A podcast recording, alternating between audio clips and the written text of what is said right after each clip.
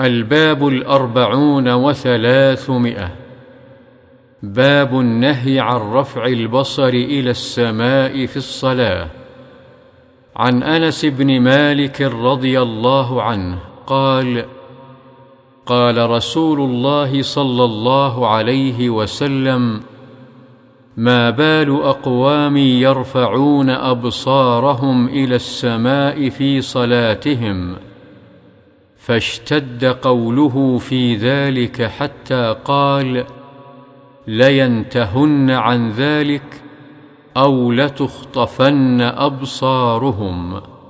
رواه البخاري.